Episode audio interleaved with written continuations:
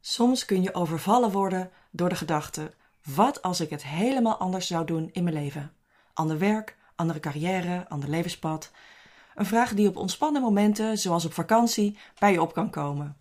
Maar weinig zetten die stap en dan ook nog eens heel drastisch. Ik hoorde over Jurek, een Rotterdammer met een topcarrière. En hij wilde het helemaal anders. En deed het. Hi, welkom bij de Noorderlicht Rotterdam podcast. Een serie gesprekken met mensen van Noorderlicht over wat het geloof voor hen in het dagelijks leven betekent. Hier is je host Jojanneke. Hey Jurek, wat fijn dat je er bent. Dankjewel. Ja. Ik hoorde je over je van dominee Niels de Jong. Hij vertelde me een aantal dingen over jouw bijzondere verhaal en ik werd echt nieuwsgierig. En ik heb een vermoeden dat veel mensen hier heel geïnspireerd door kunnen raken. Vertel, wie is Jurek? Goeie vraag. Eerst misschien even wat uh, feitjes. Ik ben uh, 33 jaar, getrouwd met Afke. Ik heb een zoontje van uh, twee, Philip. ik ben geboren en getogen in Dokkum, Friesland. En heb Afke leren kennen in Groningen. En na wat omzwervingen zijn we terechtgekomen in Rotterdam. De mooiste stad van Nederland. Um, ja, wat doe ik verder uh, in het dagelijks leven? Ik, uh, ik hou van uh, lekker eten, zowel het eten als het koken vind ik leuk. ik doe nog wat aan hardlopen. ik hou van lezen, vooral dingen waar je echt wat van leert. en ik ben dol op nieuwe dingen ontdekken. en vooral vind ik het erg, erg mooi om meer van God te ontdekken, God beter te leren kennen. Ja, zingeving. Dus ook in relatie met God. Kom je uit een uh, gelovig nest? Nee, ik ben uh, uh, opgegroeid in een gezin wat, ja, wat niet geloofde. dus het, het, grootste deel van mijn leven heb ik eigenlijk niet geloofd. Ehm, tot ongeveer 27 jaar lang noemde ik mezelf agnost. Ehm, betekent zoiets als dat ehm, waarschijnlijk wat je in de natuurkundeboeken kunt lezen, wat we met wetenschappelijk onderzoek kunnen vinden dat dat waarschijnlijk eh, het enige is wat er is. Dat het onwaarschijnlijk is dat er nog zoiets als eh, een God is. Keiharde wetenschap. En toch klopte God aan de deur. Vertel, wat is er gebeurd met deze agnost? Ja, ik heb een, uh, een vrij lange, ingewikkelde weg gehad.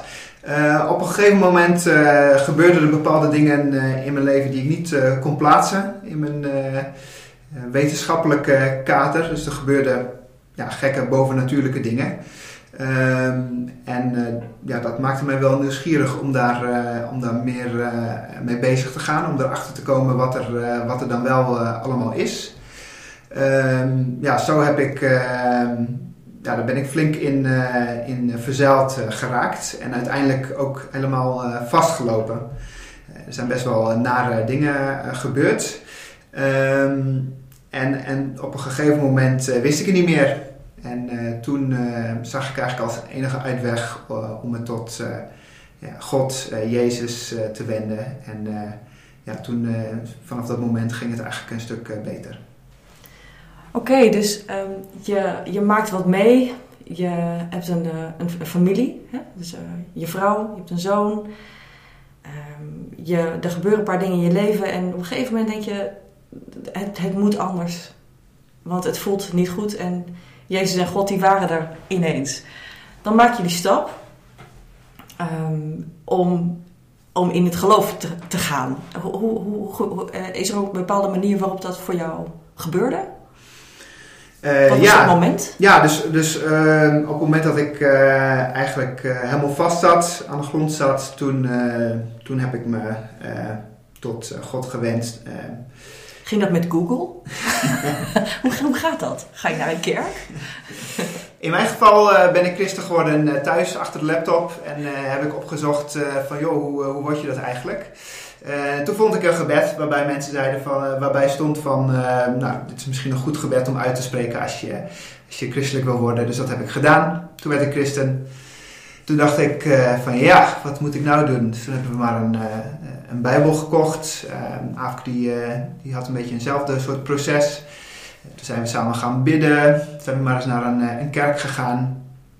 En zo uh, ja, hebben we eigenlijk uh, langzaam geleerd om, om het ook wat handen en voeten te geven. Alright. Ja, en Op een gegeven moment, um, ja, je had, een, je had een carrière. Je werkte bij een multinational. Ja, een hele grote, wereldwijd. Ik denk dat de meeste mensen het wel kennen. Het heet Unilever. Bekend van de helft van de dingen die je in de supermarkt vindt. Um, ja, ik, klopt. Ik, ik werkte in de productontwikkeling, was projectleider bij het ontwikkelen van mayonnaises en saladedressings voor de hele wereld. Um, hele leuke baan. Um, ik heb veel, aan veel mooie producten mogen werken die je in de supermarkt vindt en het erg naar mijn zin gehad. Ja, en op een gegeven moment komt dan de keuze om je baan op te zeggen en in dienst bij God te gaan. Bij Noorderlicht. Hoe is dat, hoe is dat zo gekomen? Ja, dat, uh, ik denk dat het, als je terugkijkt, dan zie je dat, het, uh, dat er stiekem wel een soort verlangen uh, groeide. vrij vroeg nadat ik christelijk was geworden. Um, ik had ook altijd wel het idee van ik wil, wil, later wel eens iets heel anders gaan doen, maar dat zag ik meer voor me voor over tien jaar of zo. Um, ik heb wel eens een keer laten vallen bij Niels dat ik ja, dat misschien wel zou willen. Een keer dan theologie gaan studeren en, voor de kerk, maar nou ja, dat, dat was al een tijd geleden. Um, en, en, op een gegeven moment heeft, heeft Niels me gevraagd om als betaalde kracht te gaan werken bij Noorderlicht. En ja, binnen ongeveer een dag wist ik wel dat ik dat wilde gaan doen. Dus dat was het laatste zetje? Ja, dat klopt inderdaad. en het bijzondere is dat er toen opeens allemaal dingen waren die tegen mij wilden die me wilden laten weten dat het het goede was om te doen. Bijvoorbeeld? Bijvoorbeeld de, de, de, preek van de zondag daarna, die sloot er perfect op aan. Ehm, er waren een aantal mensen die kwamen met precies dezelfde bijbeltekst, die heel toepasselijk was, die ze voor mij hadden. Er waren mensen om me heen die zeiden dat ze het eigenlijk altijd al in me gezien hadden. En zelfs dingen als verkiezingsposters die er waren, die wel een hele toepasselijke boodschap hadden voor mij. Dus het klopte gewoon in één keer voor jou? Ja, het viel helemaal op zijn plek. Wauw. Ja, dus je maakt dan een, uh, een keuze je baan te zeggen. Je, je kiest voor theologie. Je kiest voor deze kerk. Een hele andere koers. Uh, ja, en wat is nou je droom voor de komende jaren voor, voor deze gemeente? En voor het werk wat je hier doet? Ja, Noorderlicht is natuurlijk nog een jonge gemeente. we zijn nu ongeveer zeven jaar geleden begonnen. Um, groeit heel hard. Dat is, dat is heel mooi en iets om dankbaar voor te zijn. En wat ik vooral hoop is dat het uitgroeit tot een echte goede volwassen gemeente. En, niet op één plek, maar op verschillende plekken in, in de stad. Waar heel veel, hele verschillende mensen met hele verschillende achtergronden zich welkom weten, zich thuis voelen, echt van opknappen. En ja, waar, waarin we heel veel goeds kunnen doen, kunnen betekenen voor de stad. Ja, heel mooi. En jouw werkzaamheden in de, in de Oranjekerk, wat, hoe, hoe, hoe, hoe ziet jouw werkdag er ongeveer uit? Als je daar bent? Ja, mijn, mijn rol is voortrekker. Dat betekent eigenlijk ehm, iemand die, die wat meer tijd en energie kan steken om, om de gemeente vooruit te helpen. Er zijn natuurlijk vooral heel veel vrijwilligers die heel veel goed werk doen. Ehm, mijn rol daarbij is dat ik het, het, kernteam leid. Dus het, een team wat de, de, de coördinatie eigenlijk op zich heeft genomen. Daarnaast doe ik dingen als introductiegesprekken en, en, kan ik bijspringen waar nodig. Met, met allemaal andere dingen.